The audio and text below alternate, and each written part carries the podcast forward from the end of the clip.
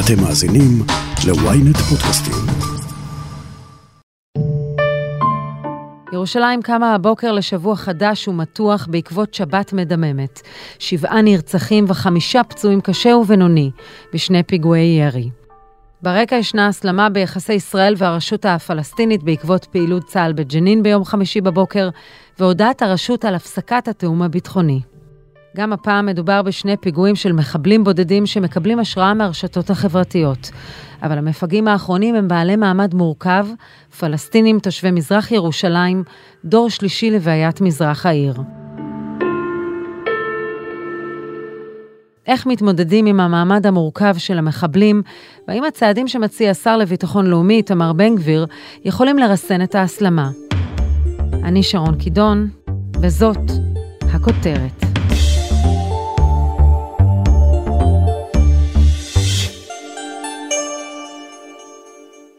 יש פה מחבל, רחוב טבנקין, תזוז, תזוז. איפה אתה נמצא, אדוני?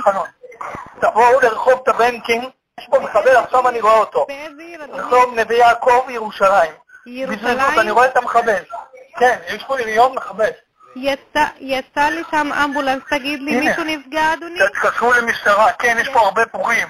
הרבה פגועים, הנה, אני רואה את המחבל, הוא נוסע עם רכב... היממה המדממת בירושלים מתחילה שעות אחדות לאחר כניסת השבת בשכונת נווה יעקב. חיים גולדיץ', כתבנו, היה שם בשטח מהרגעים הראשונים לאחר הירי. שעתיים לאחר תפילת השבת, אנשים אה, תושבי שכונת נווה יעקב ומסיימים את ארוחת השישי, יורדים למטה חלקם להליכה, לטיול של ערב שבת, אה, ואז בעצם אה, בשעה שמונה וארבע עשרה מופיע מחבל בן 21, תושב שכונת טאטור בירושלים. אנחנו מדברים על אה, שכונה יחסית אה, מרכזית בירושלים, לא אחת מח- ממחנות הפליטים.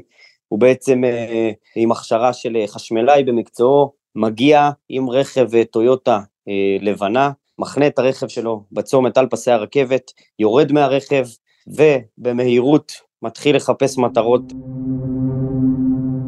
רץ ומזהה אישה ועוד אדם מבוגר, יורה לכיוונם, ממשיך לאורך הרחוב, מבצע בעצם אה, טבח, ויורה, פוגע בעוד עשרה אנשים, שבחלקם הוא ממש מבצע אה, וידוא הריגה, ובעצם אה, לאחר אה, בערך שלוש, ארבע, אולי חמש דקות, עולה לרכב שלו, נמלט עם הרכב לכיוון אה, שכונת בית חנינה, ובעצם על צומת היציאה והצומת המחברת בין שכונות, אה, שכונת נווה יעקב לשכונת בית חנינה, עומד מחסום משטרתי שערוך בכלל אה, להפרות סדר. הכוח שם בכלל עדיין לא יודע שמדובר במחבל, הוא רואה רכב ששועט לכיוונו, נכנס לכוננות, נכנס לערנות, ובעצם אה, המחבל שמבין שעומדים מולו שוטרים, מוציא אקדח, מנסה לירות מתוך הרכב, השוטרים מתחילים לירות לכיוון הרכב, לא פוגעים במחבל, המחבל פותח את הדלת, מתחיל להימלט רגלית מהרכב לכיוון אה, בית חנינה, מנסה לעקוף בעצם את אותו החסם.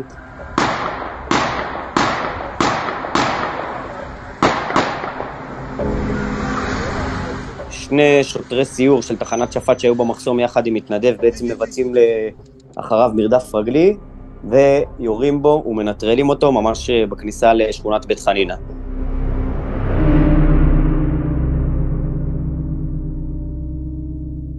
האירוע הזה אירוע קשה שבו אה, בעצם אנחנו מתבשרים על שבעה קורבנות, ביניהם אה, זוג שירד לעזור ולסייע לפצועים אחרי גל הירי הראשוני, והמחבל לא חס עליהם.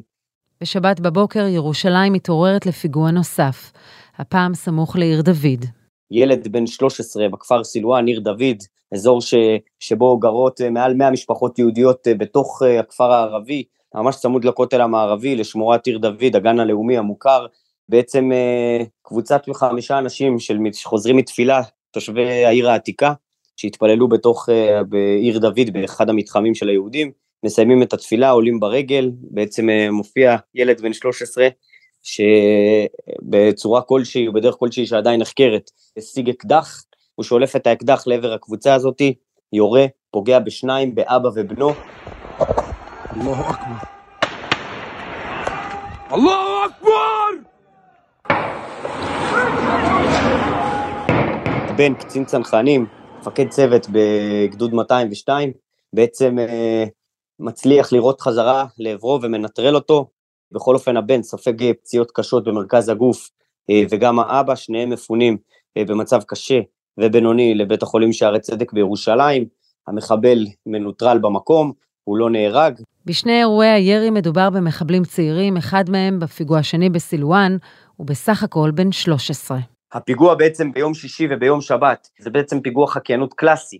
ילד בן 13 שמשיג אקדח, לא ברור איפה, כנראה הוא מצא אצל אחד הדודים אקדח נורא ישן, מצליח לתפעל אותו, זה לא נורא מסובך, אבל עדיין הנזק והפוטנציאל הוא כל כך קטלני.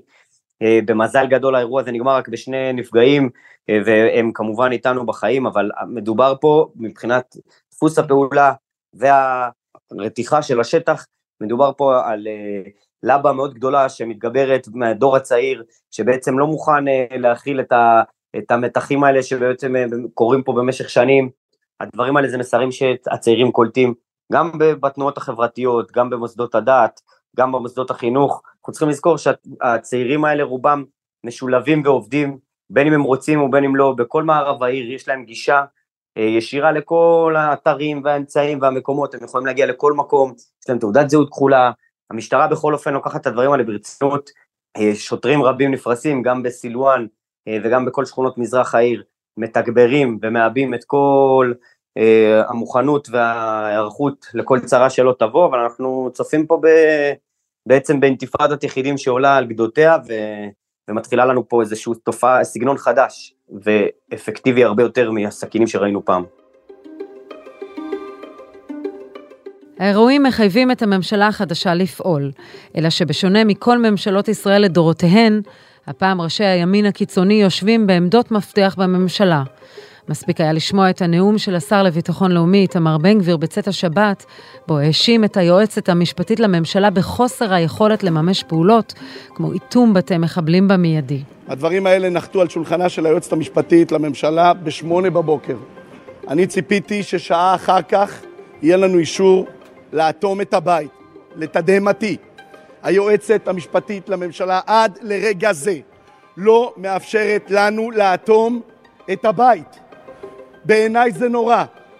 בעיניי זה לא יכול להיות. בעיניי זה לפגוע לא רק בי, לא רק בממשלה, אלא באזרחי מדינת ישראל. ראש המל"ל לשעבר, האלוף במילואים גיורא איילנד, ההסלמה האחרונה לא מתרחשת בחלל ריק. תראי, הפיגועים אף פעם לא בחלל ריק, אבל צריך לעשות פה הבחנה מאוד ברורה בין מוטיבציה כללית לבצע פיגועים לבין אה, מוטיבציה קונקרטית. אני חושב שדווקא במקרה הזה אין מה להאשים את הממשלה החדשה, היא בנושא הזה לא עשתה הרבה, אה, לא לכאן ולא לכאן, גם עלייה פרובוקטיבית של אה, בן גביר להר הבית לפני מספר שבועות יחסית עברה בשלום, אני חושב שזה בעיקר תגובה על פעולה צבאית שהייתה בג'נין, שאגב גם אנחנו לפי דעתי לא רצינו שתיגמר בכל כך הרבה הרוגים, אולם שוב אנשים רעים, אבל הכוונה הייתה לתפוס שני אנשים ולא לגמור עם עשרה הרוגים, וזה מה שגורם באמת לשטח להגיב, אבל אני לא חושב שזה פה עניין של הממשלה. הממשלה באמת, ועל זה אפשר לדבר עכשיו, בעצם פעם ראשונה מתכנסת לדיון בעקבות אירועים כאלה, ומה שיקרה מעתה והלאה, בין אם זה יהיה מעשה או מחדל, אפשר יהיה לייחס לממשלה. אנחנו מתמודדים עם טרור יחידים חדש כשילד בן 13 מקבל השראה לפיגוע? אה, אין ספק זה מקרה חריג, אבל כבר היו כאלה, גם במה שנקרא אינתיפאדת הסכינים ב-2015-2016, חלק מהמבצעים היו, אם לא 13, בגיל 13, אז בגיל 14 או משהו כזה, אה, ולכן אה, זה כמובן חריג, אבל זה חלק מבאמת ההשראה שנוצרת. אבל אם נדבר על השאלה מה אנחנו עושים, אז הייתי אומר בקיצור שישנם פה ארבעה דברים שצריך לשים עליהם לב, הנקודה מספר אחד, אה, על מנת לייצר מצב שבאמת המוטיבציה הקונקרטית לא תתחזק אלא לאט לאט תדעך, זה ליצור מצב שהמרחק בין פיגוע מוצלח אחד לפיגוע מוצלח שני הוא ארוך ככל האפשר.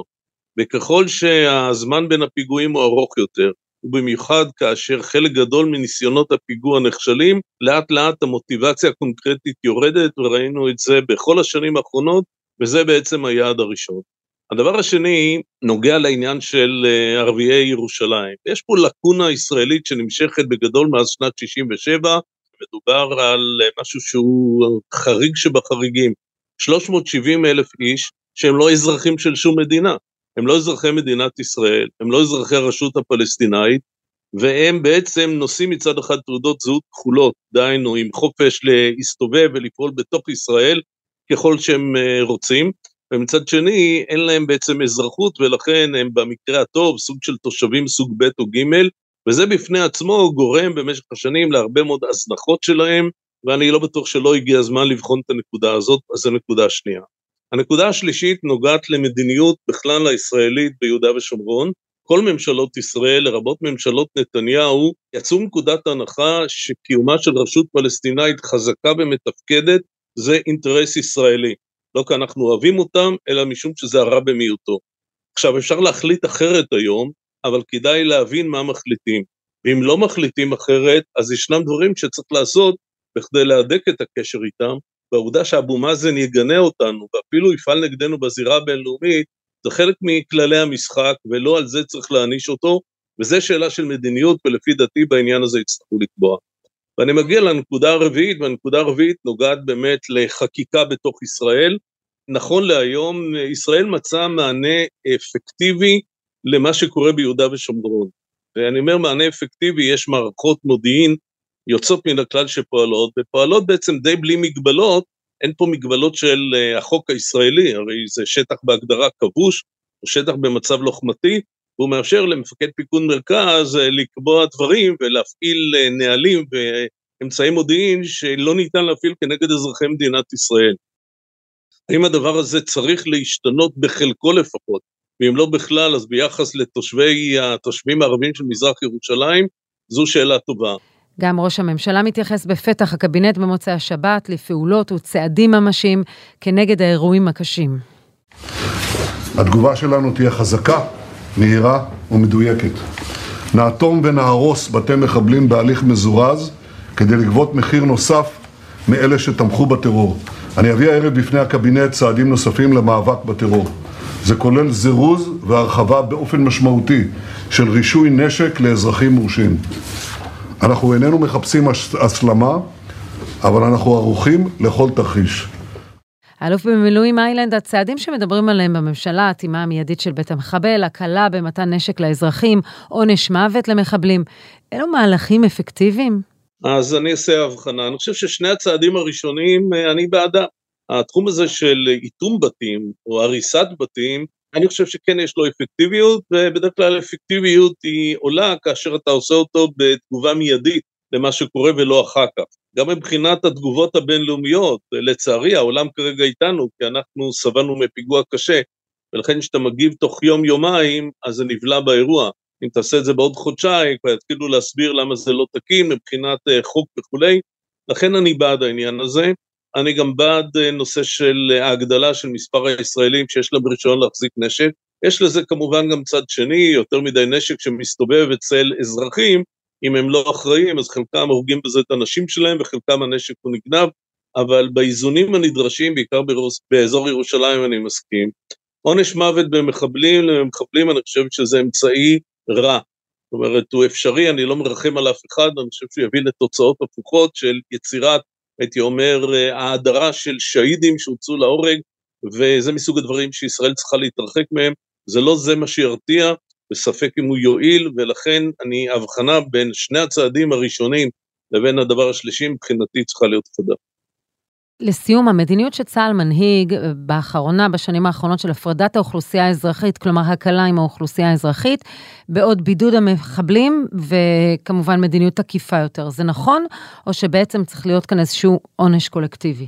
אני חושב שהתשובה נמצאת בתוך השאלה. עונש קולקטיבי הוא רע מכל הבחינות, ואני חושב שלמדנו היטב, שוב, לפחות מאז 2003, 2004, כמעט 20 שנה, מאז דעיכת האינתיפאדה השנייה, שהדרך אה, להמשיך ולנהל את הסכסוך, אני אומר לנהל את הסכסוך כי כנראה פוליטית לא ניתן להגיע לסיום הסכסוך, אבל ניהול הסכסוך חייב לייצר בצד השני מספיק מוטיבציה לא להצטרף למעגל הפעילות הטרוריסטית וגם מבחינה עממית לשמור הייתי אומר על שקט ואת זה אתה משיג כאשר עשרות אלפים עובדים בישראל ועוד עשרות אלפים ב- בתוך אזורי תעשייה באיו"ש ועוד רבים אה, בעצם סוחרים עם ישראל והעיריות הפלסטיניות מקבלות כל סיוע שהן צריכות במה שנדרש במים, חשמל, אה, תשתיות ביוב וכולי, והדבר הזה הוא אפקטיבי. אגב, הדוגמה הטובה ביותר זה מה קורה בעזה.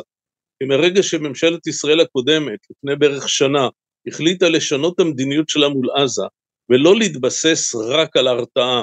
עצם העובדה שאתה מאפשר ל-15 אלף או יותר פלסטינאים מעזה לעבוד בישראל, אתה מייצר גם מוטיבציה חיובית בקרב רבים לשמור על השקט, ואנחנו רואים שזה אפקטיבי. אני חושב שצה"ל בעניין הזה מתמיד באותה גישה, וצריכים לדעת uh, להתגבר גם על אירועים מאוד קשים, ולא תחת הדם החם לייצר פעולות שהם בסופו של דבר יביאו יותר נזק כמו שטוען. אלוף במילואים גיורא איילנד, תודה רבה על השיחה. בבקשה, יום טוב.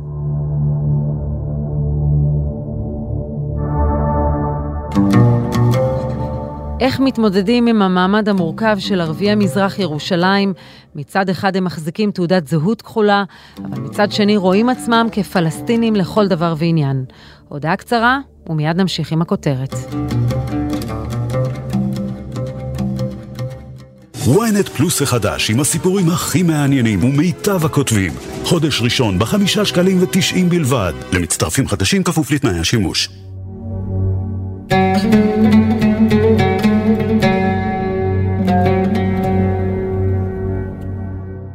כאמור, שני הפיגועים בירושלים מתבצעים על ידי מחבלים מהדור החדש, ילדי טיק טוק שניזונים מהסתה ברשתות החברתיות. דוקטור מיכאל מילשטיין, ראש הפורום ללימודים פלסטינים במרכז דיין באוניברסיטת תל אביב, וחוקר בכיר במכון למדיניות ואסטרטגיה באוניברסיטת רייכמן, אכן מדובר במודל חדש של מחבלים? הדגם הזה שראינו במהלך היממה האחרונה לא שונה בהרבה אה, מזה שראינו בכל השנה האחרונה. ראינו את מה שאנחנו קוראים לו המפגעים הבודדים, בעצם זה מפגעים יחידים או זאבים בודדים, שבאמת אה, פועלים יחסית באופן עצמאי, בלי הרבה עזרה, לרוב בלי להותיר לא, לא חותם ולא, ולא סימנים אה, מעידים, וגם בלי זיקה לארגון כלשהו. הבעיה היותר גדולה, שרון, בשני הפיגועים האחרונים, היא שמדובר באנשים שהם בעצם תושבי מזרח ירושלים, לא אזרחים, אבל כן בעלי תעודת זהות כחולה. משה אומר שכל הנגישות שלהם לנשק היא הרבה יותר גבוהה, וכל היכולת שלהם בעצם לאתר מטרות לפגיעה, בעיקר כאלה בשכונות יהודיות, היא הרבה יותר גבוהה. אז אנחנו גם מדברים על הבעיה הגדולה של הדור הצעיר, ועל ההקרנה האדירה של הרשת, אבל עוד איזה בעיה עוד יותר חריפה, והיא של הדור הצעיר המזרח ירושלמי, שכאן אנחנו מדברים על uh, סוג של uh, מצרה שהיא, הייתי אומר, הרבה יותר ישראלית מאשר פלסטינית.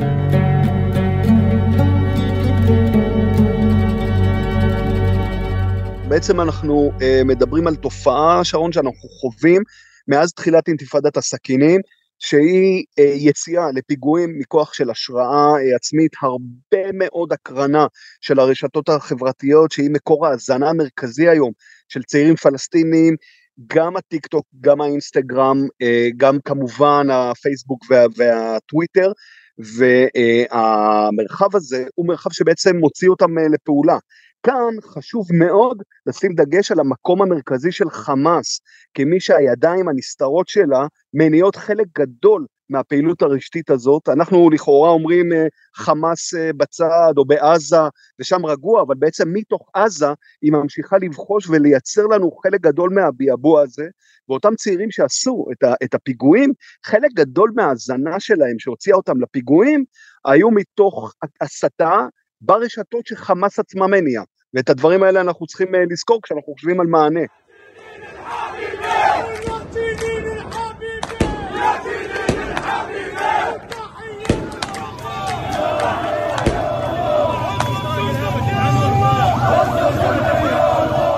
פיגוע בערב שבת מוציא חוגגים משכונות א-טור וצור באהר בירושלים דרך ג'נין ועד רצועת עזה.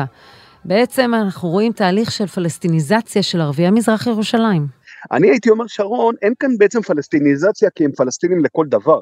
הם קשורים לגדה המערבית הרבה יותר מאשר הם קשורים uh, לישראל, הם בכלל לא משתתפים בבחירות לעיריית ירושלים, uh, בטח לא לבחירות ל, ל, לכנסת, הם, הם לא מורשים בעצם להיבחר לכנסת, ואין להם כמעט מגע עם המרחב הישראלי, למעט בפיגועים, ששם אנחנו נחשפים במלוא עוזו של, ה, של האיום הזה, ואני חושב שהגיע הזמן לא רק להתעסק במרדף אחרי המפגע הבודד והסיכול האחד, אלא להתחיל לדון בצורה הרבה יותר רחבה באתגר כולו, וכאן אה, זה דורש חשיבה אסטרטגית, לא רק אה, כל מיני אמצעים טקטיים.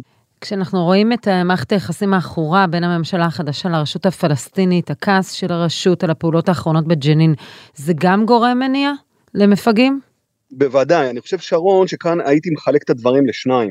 דיברנו עד עכשיו על המפגעים הבודדים שהם צרה בפני עצמה ואיום בפני עצמו, שרוב ההתמודדות איתו היא במישור המודיעיני והמישור המבצעי, שצריכים באמת, הם מאוד טובים, אבל יכול להיות שהם צריכים הרבה יותר אה, אה, להתחדד.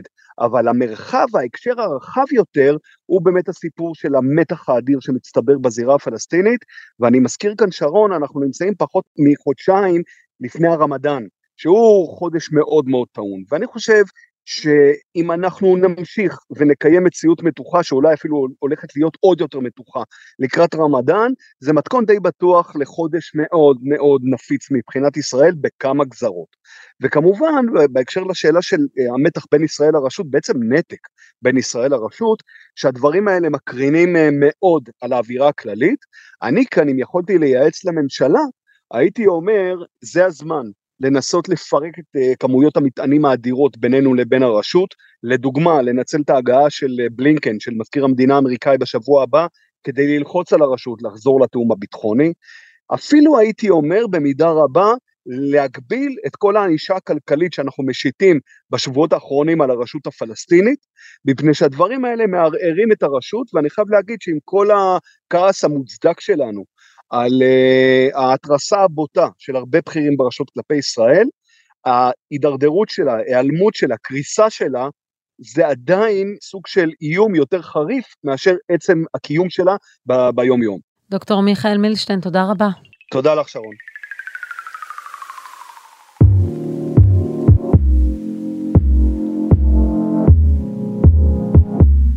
בחזרה אליך, חיים גולדיץ', איך ירושלים חוזרת לשגרה אחרי סוף שבוע קשה שכזה?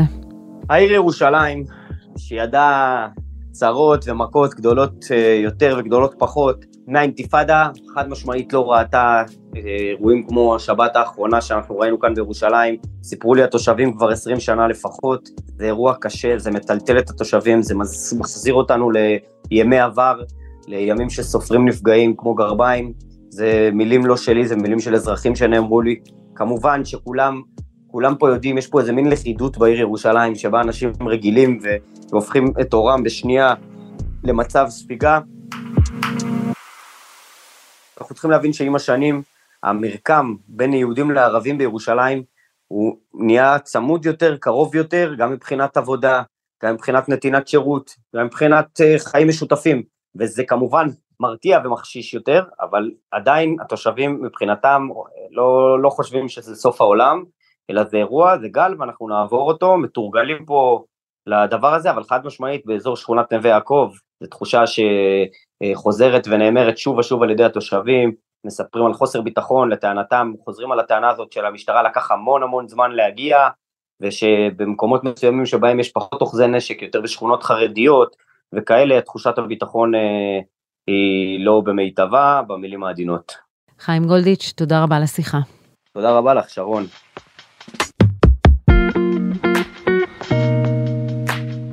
ועד כאן הכותרת להפעם. אתם מוזמנים לעקוב אחרינו בוויינט רדיו, באפליקציה, בנייד וגם ברכב, או איפה שאתם שומעים את הפודקאסטים שלכם. אם זה קורה באפל או בספוטיפיי, אתם מוזמנים גם לדרג אותנו ולהאזין לפרק נוסף שלנו. חפשו את הפרק שאלת ח'אן אל-אחמר. עורך הפודקאסטים רון טוביה, איתי בצוות הכותרת ישי שנרב ויואב רבינוביץ', תחקיר, הפקה ועריכה אלי שמעוני וגיא סלם. אני שרון קידון, ניפגש בפעם הבאה.